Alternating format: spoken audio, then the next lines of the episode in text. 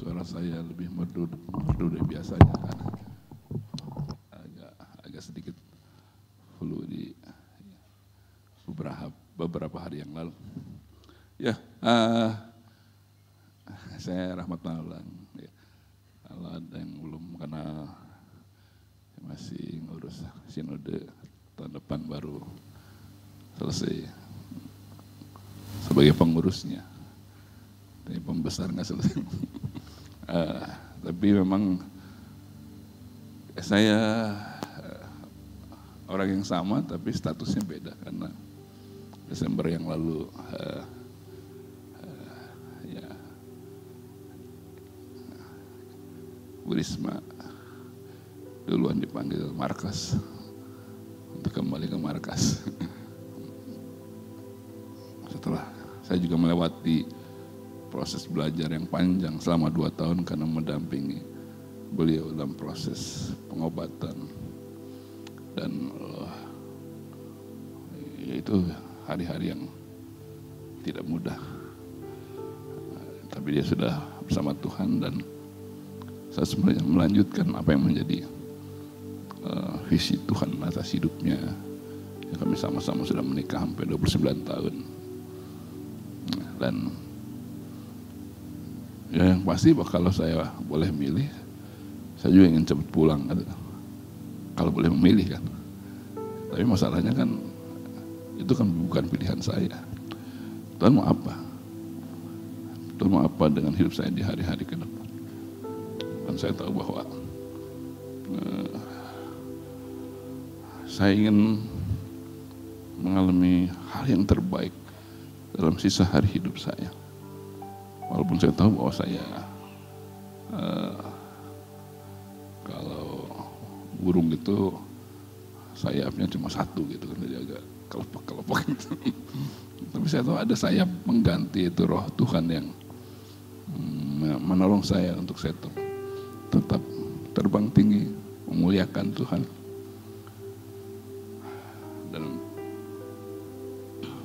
Desember yang lalu, sekarang sudah bulan Maret mau April, jadi tiga bulan lebih saya belajar untuk uh, menyeimbangkan sayap ini. Untuk saya tetap bisa terbang tinggi mengerjakan pekerjaan Tuhan. Memang secara manusia begitu begitu tidak mudah selalu bertanya kan e, kenapa Tuhan kenapa Tuhan? Nah, e, tapi saya tetap saya harus temukan kehendak Tuhan di atas daripada keinginan saya pikiran saya dan dan bahkan saya diberi kekuatan untuk untuk uh, mempercayai bahwa yang Tuhan buat itu adalah sesuatu yang terbaik. Bukan cuma untuk saya, tapi juga untuk gereja Kristen Kemah Daud, untuk Indonesia, untuk generasi ini. Dan dan saya melihat bagaimana apa yang sudah terjadi itu menjadi menjadi benih untuk saya untuk mempercayai bahwa ini waktunya saya menuai lebih lagi lebih dalam pekerjaan Tuhan dan memang kalau secara manusia saya sekarang lebih lebih bebas ya dulu kan ada ada yang kontrol ya saya untuk ngatur jadwal kegiatan sebagainya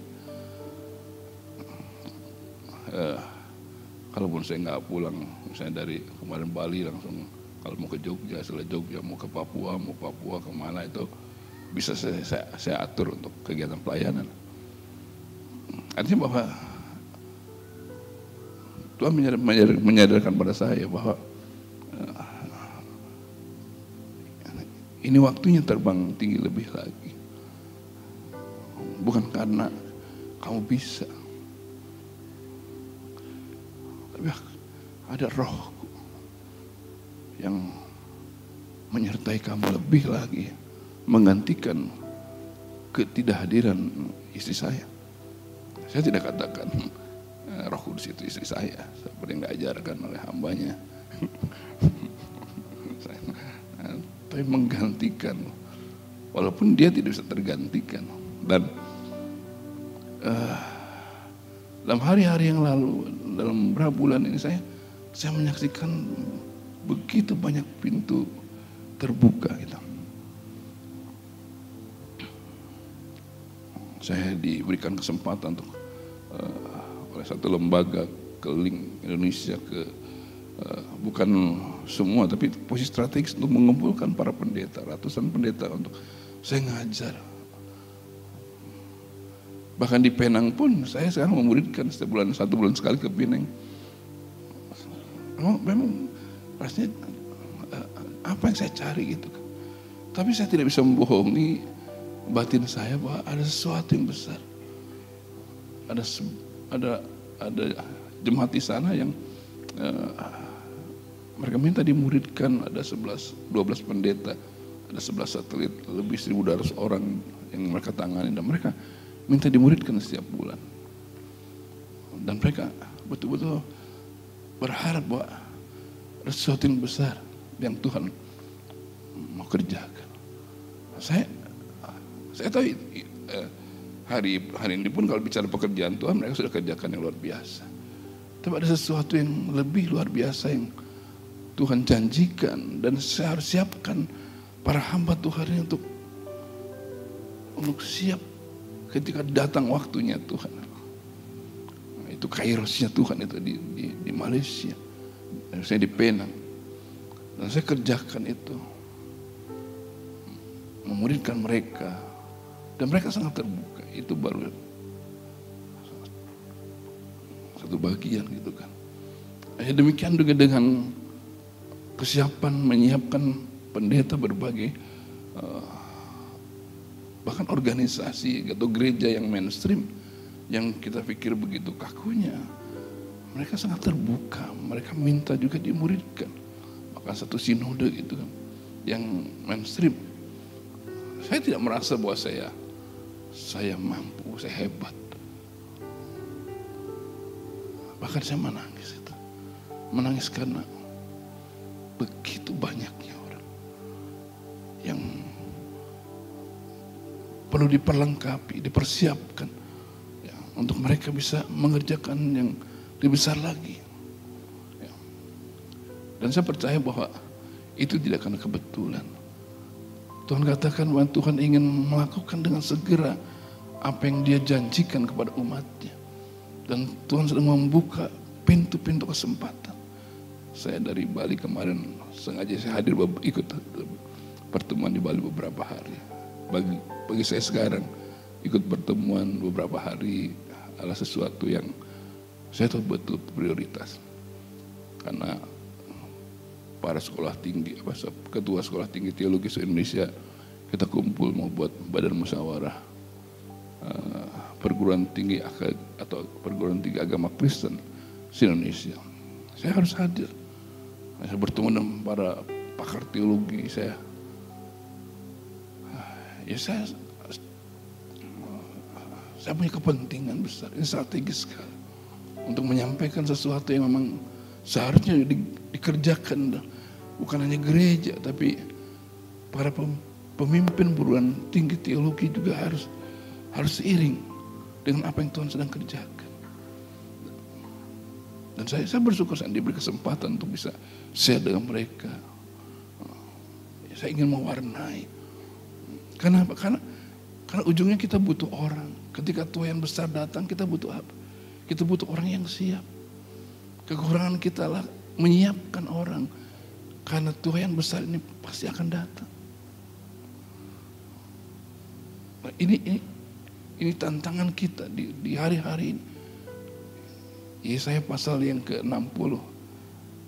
Saya sedikit tadi baca yang dibahas di warta kita tentang Yesaya 60. Kalau kita baca di situ, Kita baca ayat 20 22-nya.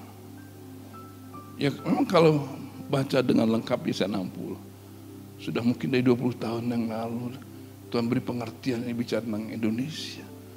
Tuhan akan pulihkan negeri ini. Orang Kedar akan datang pada Tuhan, Nebayat akan datang pada Tuhan. Tuhan akan kerjakan itu. Negeri kepulauan di timur akan memuliakan Tuhan. Tapi dalam ayat yang ke-22 dikatakan yang paling kecil akan menjadi kaum yang besar, paling lemah akan menjadi bangsa yang kuat. Aku Tuhan akan melaksanakannya dengan segera pada waktunya. Di hadapan Tuhan, kehendak Tuhan lah.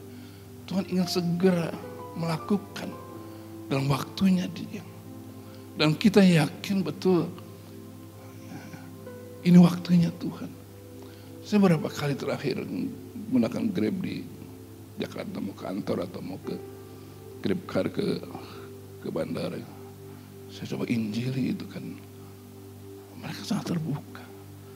Kadang sebelum sebelum kita check in saya, saya kita stop di pinggir. Kita doakan dulu. Saya boleh doakan dulu.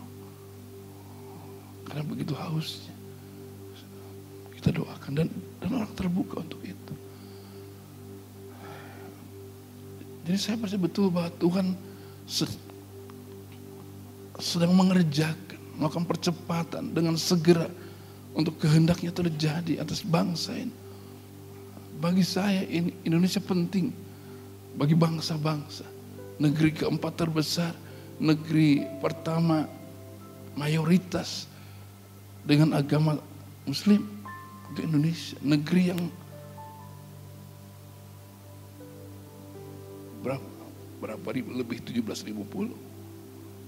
Saya suka suka seloroh gitu kan itu pulau yang pulau yang sejati kan bukan pulau uh, daerah yang memang hanya nama pulau tapi memang pulau yang begitu banyak.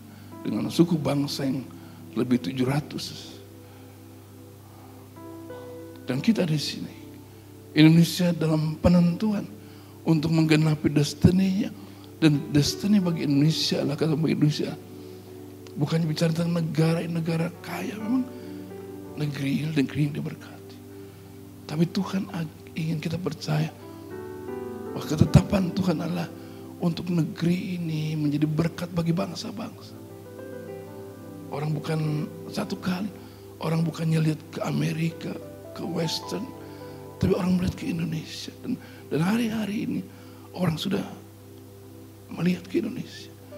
Tapi juga diperlukan untuk orang melihat bukannya bicara tentang secara ekonominya, infrastrukturnya, tapi orang bisa melihat melihat apa?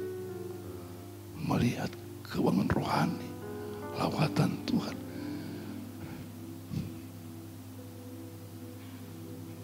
Pekerjaan Tuhan atas negeri ini.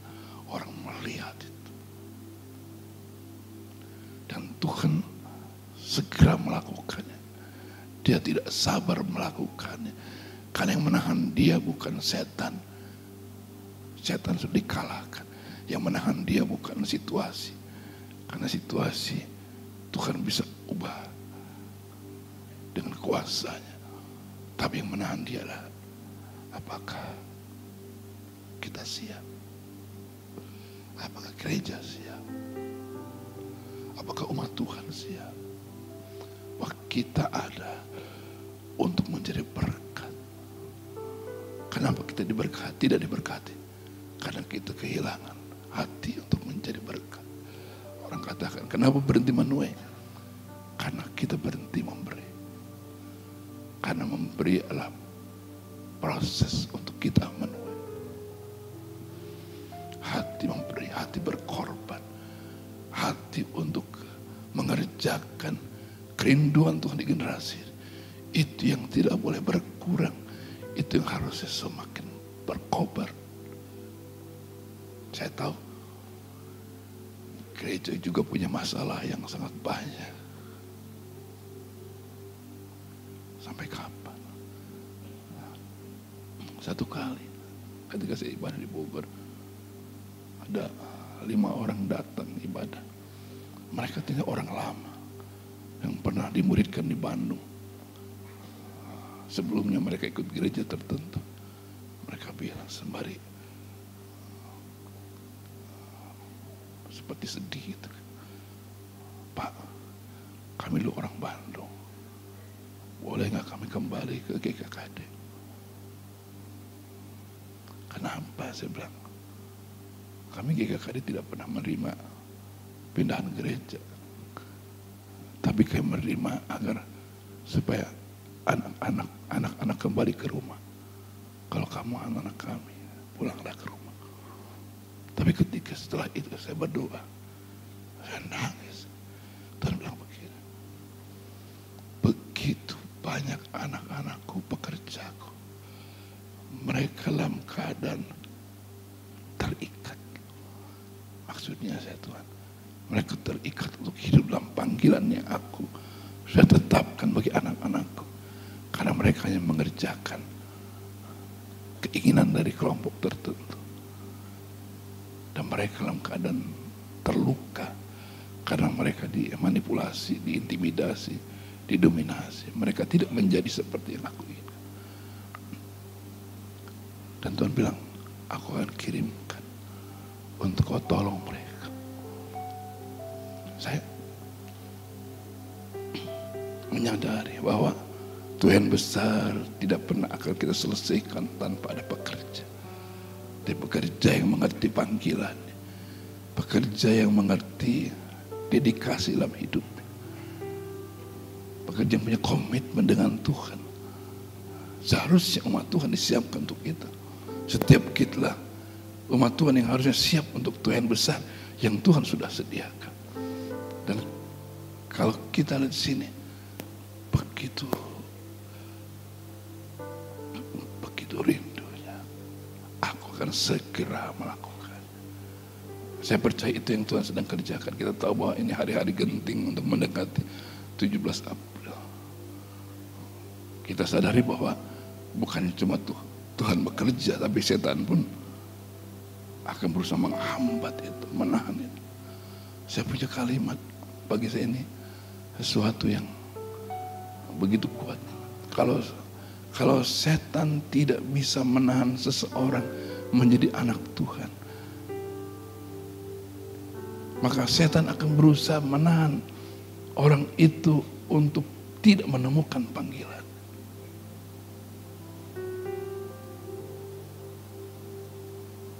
Tapi kalau setan tidak bisa menahan orang itu menemukan panggilannya, maka setan akan berusaha orang yang hidup dalam panggilan itu berhenti di tengah jalan. Agar orang itu tidak sampai ke garis finish. Dan faktanya, orang yang hidup panggilan katanya, yang sampai ke garis finish itu di bawah 20 persen. Saya sudah melayani hampir 40 tahun.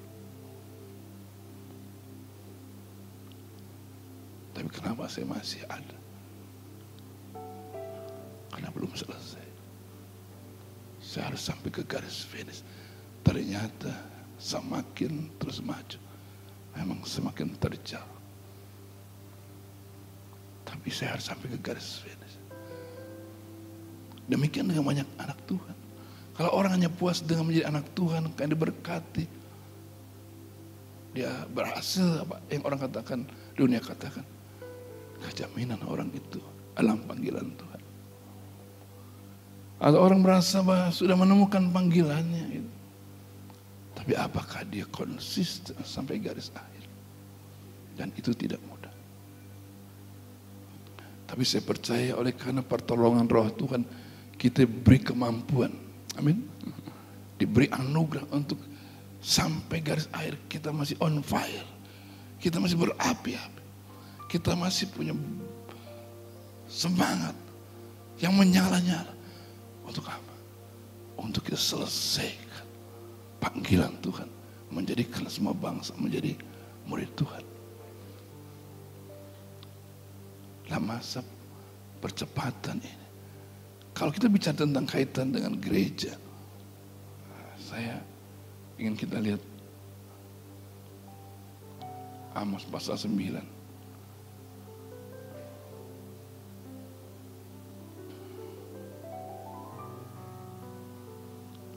Pasal 9 ayat 11. Kalau bisa tolong bisa di atau bisa dibuka Alkitab saudara. Orang sering kali bicara tentang percepatan yang Tuhan kerjakan itu Amos pasal 9 ayat 13. Sesungguhnya waktu akan datang. Demikianlah firman Tuhan bahwa pembajak akan tepat menyusul penuhi dan pengirik buah anggur pernah berbenih. Gunung-gunung akan meniriskan anggur baru dan segala bukit akan kebanjiran. Itu Tuhan besar yang Tuhan janjikan. Kebanjiran bukan kebanjiran air, tapi kebanjiran karena Tuhan begitu besar. Tuhan buah anggur yang begitu berlimpah sampai kebanjiran sampai begitu berlimpahnya Tuhan yang dia alami. Dan itu terjadi dalam proses waktu yang percepatan. Karena pembajak katanya dikatakan tepat menyusul penuai. Orang biasanya harus ada jeda waktunya. Mulai membajak, menabur, kemudian sampai ke menuai. Tapi masa percepatan itu terjadi begitu cepat. Dan itu yang Tuhan janjikan. Itu yang Tuhan sediakan. Tapi kalau kita baca ayat yang ke-11 pada hari itu aku akan mendirikan kembali pondok Daud yang telah roboh. Akan menutup pecahan dindingnya dan akan mendirikan kembali reruntuhannya. Aku akan membangunnya kembali seperti zaman dahulu kala. Alkitab katakan ayat yang ke-11 ini. Ini yang terlebih dahulu disiapkan. Tuhan begitu siap untuk ada Tuhan besar sampai kita kebanjiran, sampai melimpah berkat Tuhan. Tapi harus terlebih dahulu gereja mengalami pemulihan. Dan Alkitab katakan, akan mendirikan kembali pondok Daud yang telah roh. Kemah Daud yang telah roh.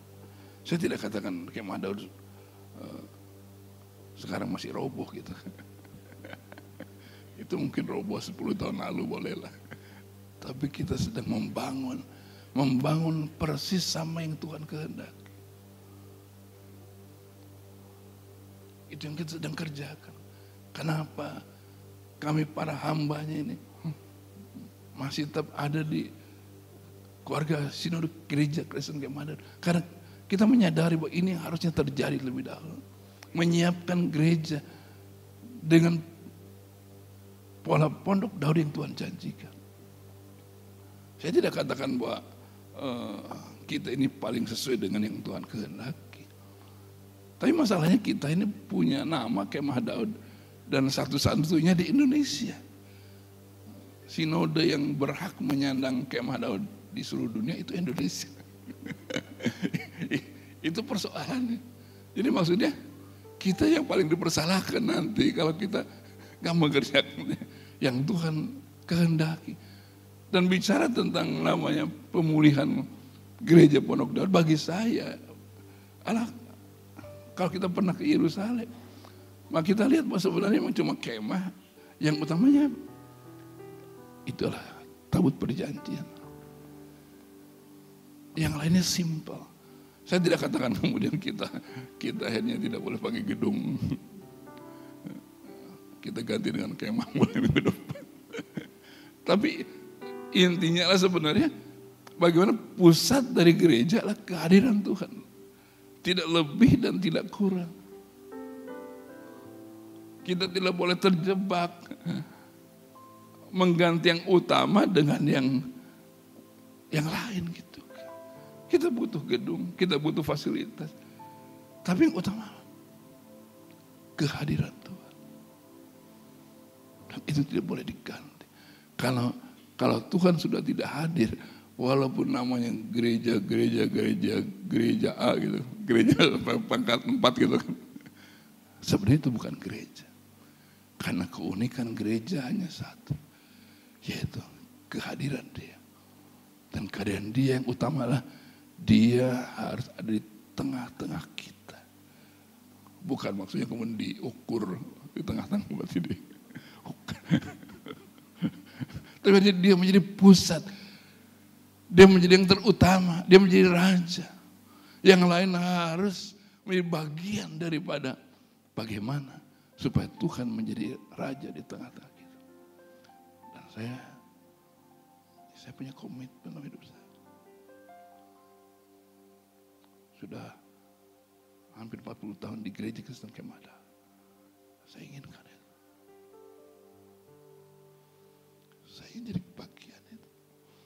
kalaupun mungkin saya tidak menjadi orang yang mengalami diberi kehormatan yang ayat 13 ya. Tapi ini bagian dari yang ke-11.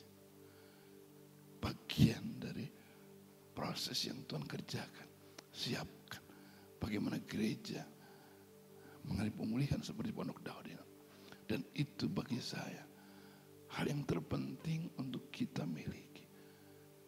Yang menjadikan Yesus sebagai yang terutama, yang menjadi pusat. Dan kita tahu betul untuk menjadikan dia yang terutama, pusat. Walaupun memang ini mungkin kadang-kadang bosan dengernya kita. Ini ngomong cuma Yesus. Yesus semua. Terus mau ngomong apa? Kalau kita kehilangan membicarakan Yesus, maka kita kehilangan segala. Godaan untuk orang mencoba mungkin tidak tidak membuang tapi mulai meminggirkan. Seperti Markus pasal yang keempat. Yesus di Buritan ketika membawa perahu mereka di Danau Galilea. Yesus memang ada. Tapi pertanyaan Yesusnya di mana sekarang? Taunya di dapur. di bagian belakang. Terus ngapain di situ? Tidur. Saya bilang, kenapa Yesus tidur? Karena nggak ada yang ngajak ngobrol. Bukan karena dia malas. Bukan karena dia malamnya begadang. Bukan karena kecapean. Tapi karena nggak ada yang ngajak ngobrol.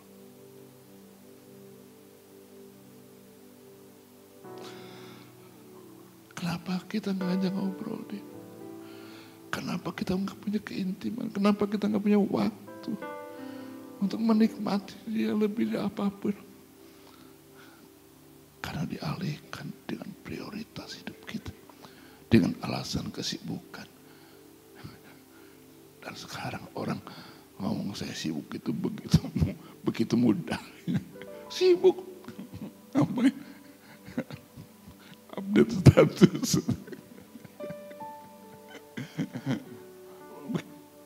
Begitu banyak godaan untuk kita menjadikan Yesus yang yang terutama. Itu yang seharusnya kita bangun terus.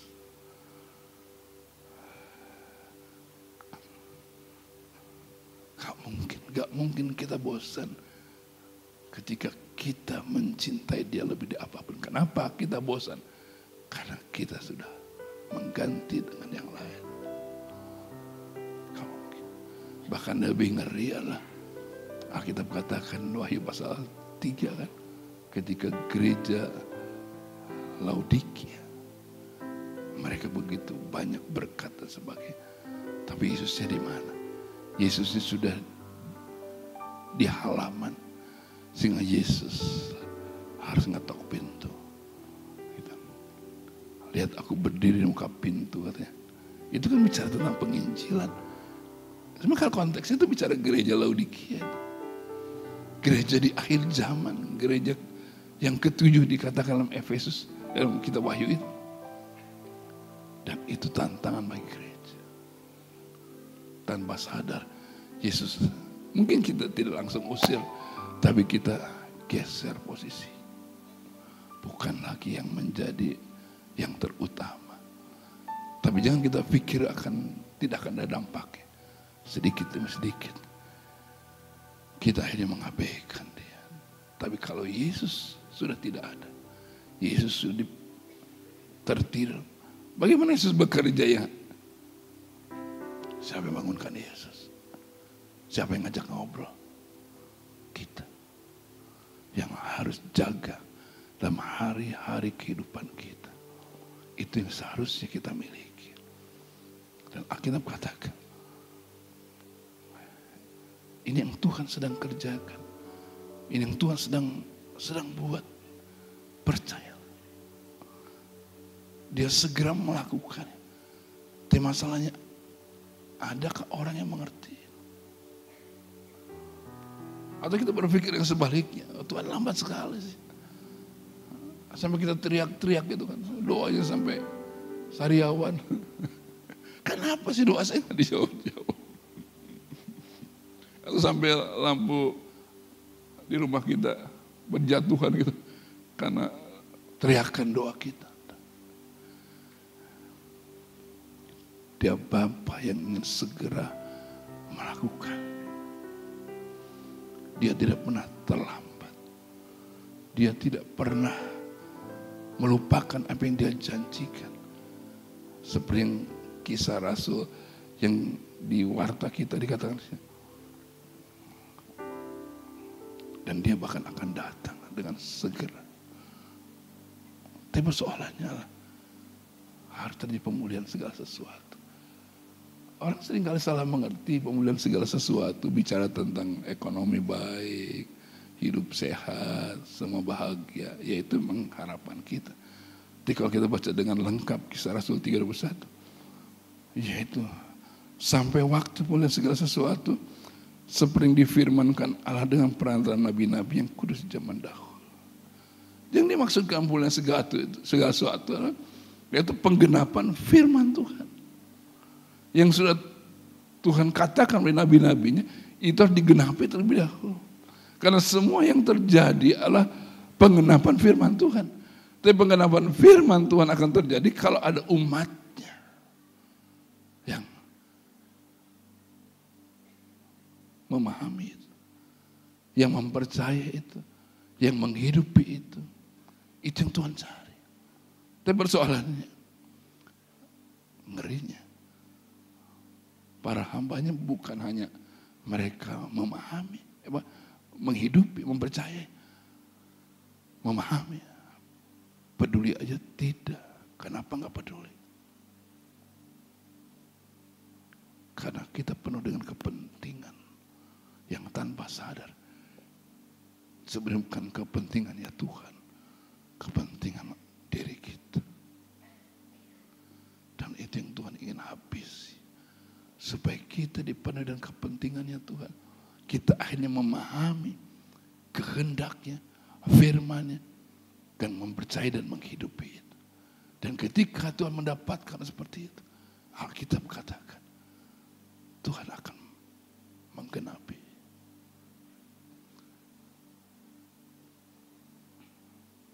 Bagi saya, pengalaman hampir dua tahun mendampingi istri jadi pendorong kursi roda. Setiap malam jam 3 pagi memijiti dia karena dia sakit. Karena kanker yang menyerang dia. Saya lakukan, maka saya hentikan jadwal saya. Saya hanya ingin mendampingi istri saya. Bahkan saya bilang, Tuhan, saya mau kehilangan semua mimpi saya. Saya hanya ingin isi saya mendapatkan yang terbaik. Ya saya menawar, kalau boleh Tuhan, jangan secepat ini. Tapi itu kehendak dia. Tapi bagi saya, semuanya hancur. Hampir-hampir saya ya terpuruk. Saya bilang bagaimana Tuhan? Saya berdoa tiap hari mengurapi minyak dia selama hampir dua tahun. Tapi kenapa dia tidak sembuh?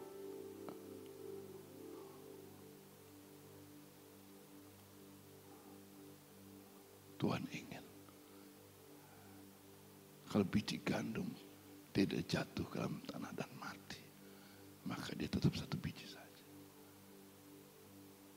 Kalau kita ingin berbuah banyak, maka ada proses yang Tuhan ingin supaya supaya kita kehilangan kepentingan apa pun.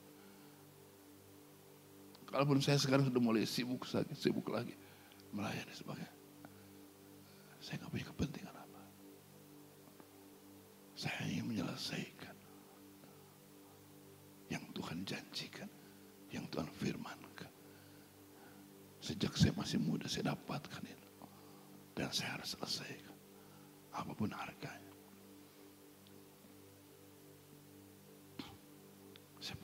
penghalang itulah diri kita. Karena kita menyadari bahwa ada proses yang harus kita alami. Dan itu yang tidak mudah. Dan saya berdoa agar kita tidak berhenti di tengah jalan karena proses yang Tuhan izinkan dalam hidup kita. Alkitab katakan, jadi murid Tuhan apa? Menyangkal diri, memikul salib, mengikut Tuhan setiap hari. Maka dia menjadi murid Tuhan. Menyangkal diri. Diri kita ini tidak bisa di, disingkirkan karena kita masih tubuh, punya tubuh. Tubuh ini punya keinginan, keinginan daging. Tapi kita bisa sangkal setiap hari. Karena kita juga punya keinginan. Kalau tubuh ini sudah nggak ada, baru nggak punya keinginan lagi, nggak tubuhnya nggak ada, diganti dengan tubuh kemuliaan. Tapi selama ada tubuh kita masih punya keinginan, keinginan daging, keangkuhan hidup, keinginan mata itu ada.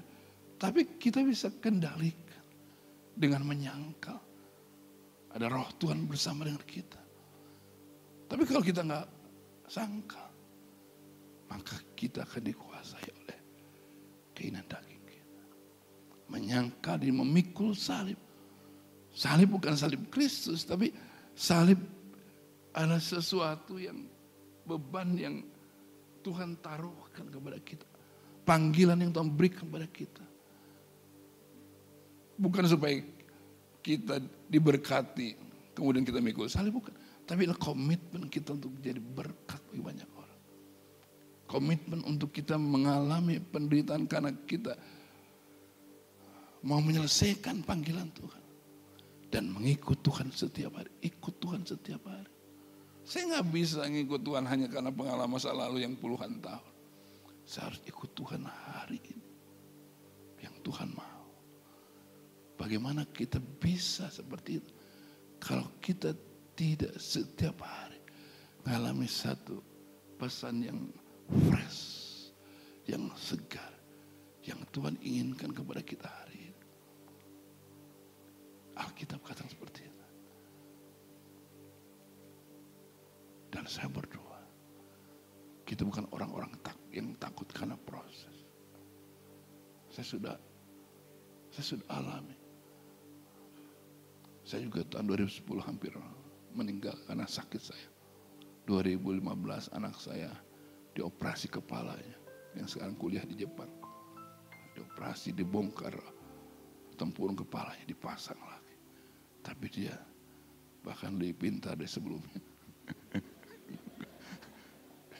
Makanya dia dapat beasiswa S2, S3 di Jepang. Itu kata manusia kan hari yang mengerikan ketika anak seperti itu.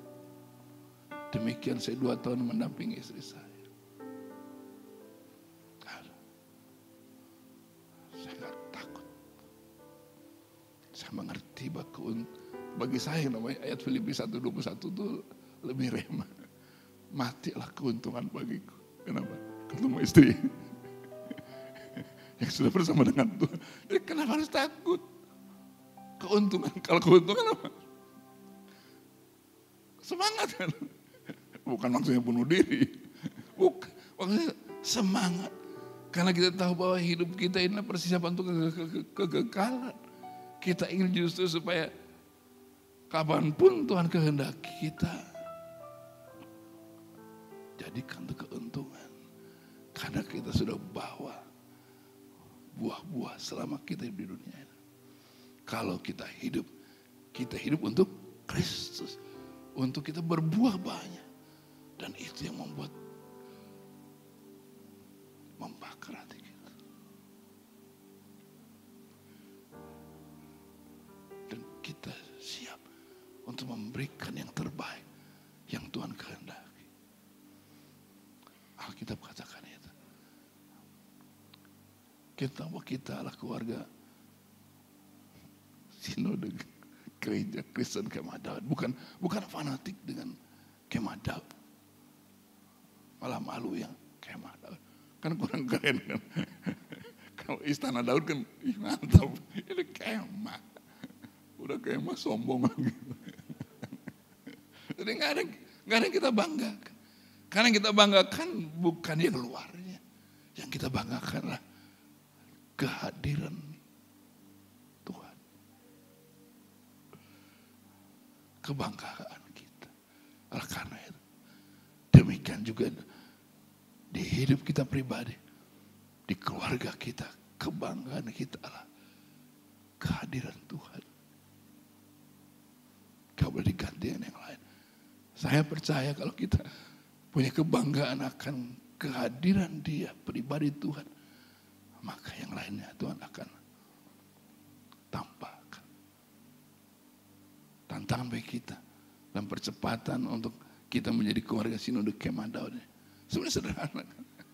Ya harusnya ada Daud di situ kan, jangan ada kok kemah Daud yang ada Saul.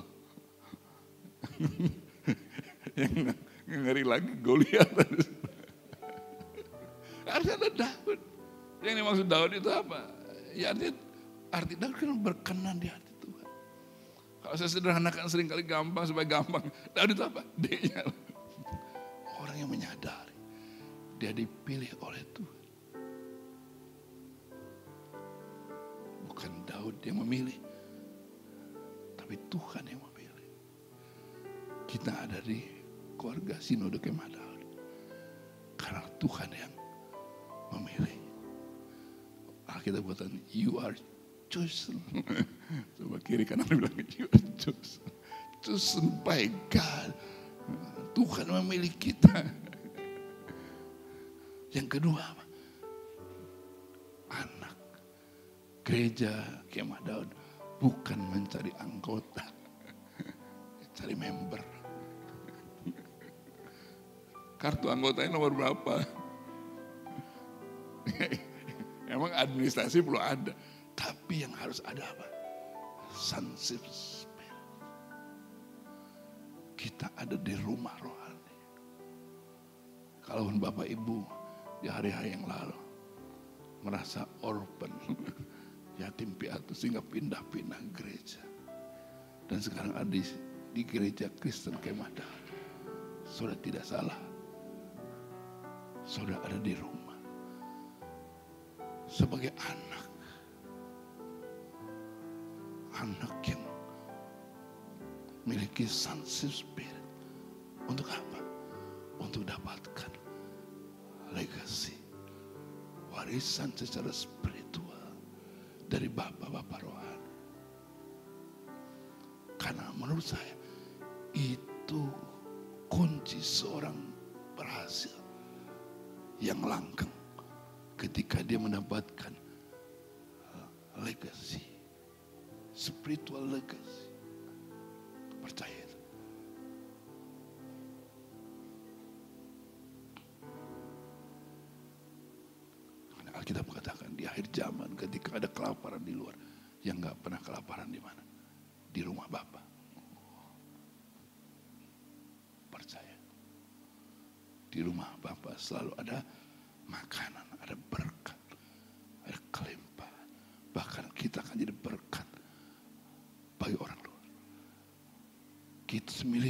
sonship spirit.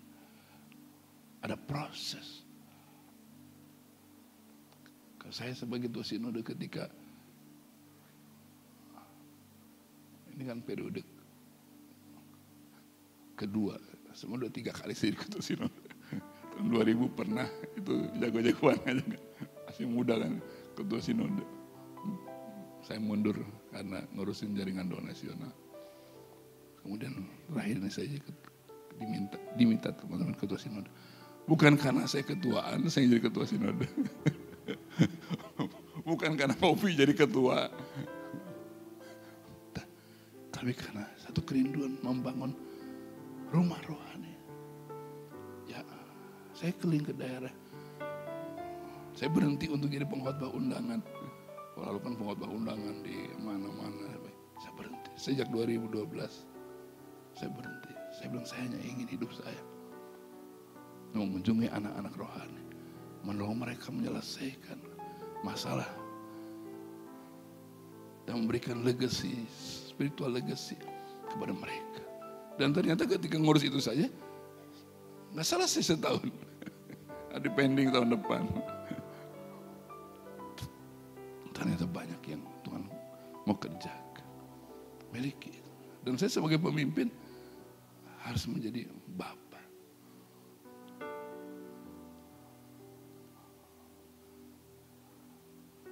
Ini yang juga sangat penting. Untuk apa? Untuk memberikan legacy kepada anak-anak rohani.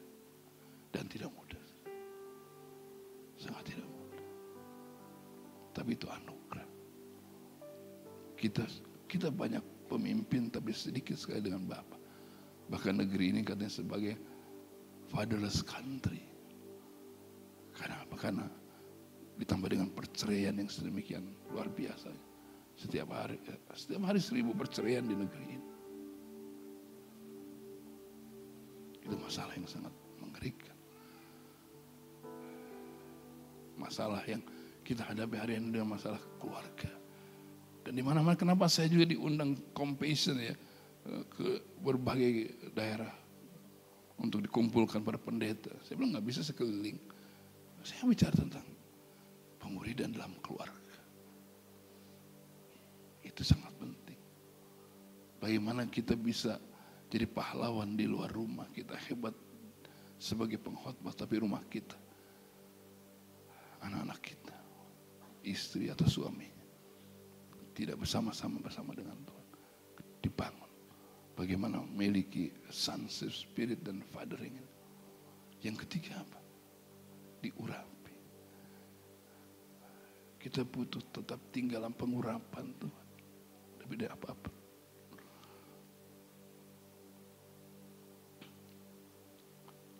Dan itu butuh apa? Seperti seperti air.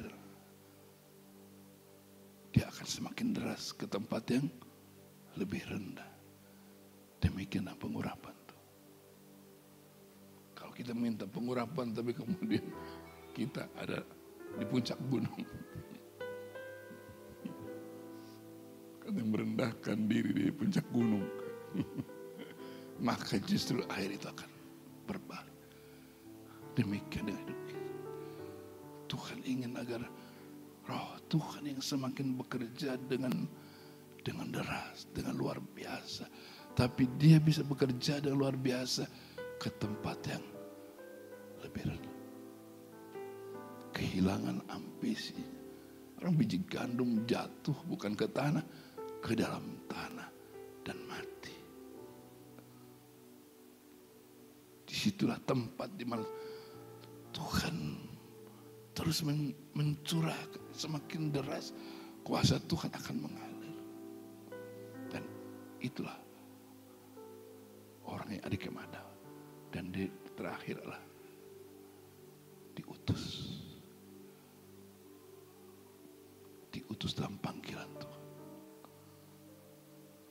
Saya tidak katakan semua kita harus jadi pendeta. Karena kalau semua pendeta siapa yang dengerin? Siapa jemaatnya? Ini, ini gereja gereja pendeta. Siapa yang jadi jemaat? Tapi temukan panggilan Tuhan. Temukan apa yang Tuhan ingin. Kita bukan kumpulan para penonton, para hadirin dan hadirat. Kita lah pasukannya Tuhan. Untuk kita ambil bagian dalam pekerjaan Tuhan. Tapi jangan juga semaunya, tetap ada yang mengatur. Karena kalau enggak, kadang bisa salah nembak kan. Tapi maksud saya, semangat untuk ambil bagian. Tidak boleh kita puas hanya menjadi hadirin atau penonton yang boleh para pengkritik. Saya setuju dengan statement Warren. Gereja besar bukan berapa banyak jumlah kursinya. Tapi gereja besar ditentukan berapa orang yang siap untuk diutus. Saya berdoa, kita menjadi bagian ya. Bagian untuk kerjakan. Jangan batasi. Kita bukannya Indonesia saja. Bahkan ke bangsa-bangsa. Sekarang begitu terbuka kesempatan. Kita tidak bisa katakan semuanya yang kita lakukan. Tapi ini waktu. Apalagi visi sinode ya. Tiga, tiga, tiga kan. Tiga ratus daerah atau kota. Tiga kali tiga bangsa. Sembilan negara. Tiga puluh ribu jemaat yang Tuhan percayakan. Ini pasukan Tuhan. Itu yang Tuhan percayakan. Saya, saya bilang Tuhan saya sebelum 2020 saya turun, saya ingin saksikan lebih daripada itu. Mungkin gak? Sangat mungkin. Teramat sangat mungkin. Bukan karena kita yang mampu mengerjakan. Tuhan yang mengerjakannya. Dan itu butuh percepatan. Dan kita orang-orang yang ambil bagian percepatan itu. Untuk menyaksikan pekerjaan Tuhan. Sesuai dengan apa yang dia sudah janjikan bagi. Itu harapan, doa kita. Izinkan Tuhan memakai kita. Kalau seorang Nehemia yang membangun tembok yang 15 tahun tidak bisa terbangun.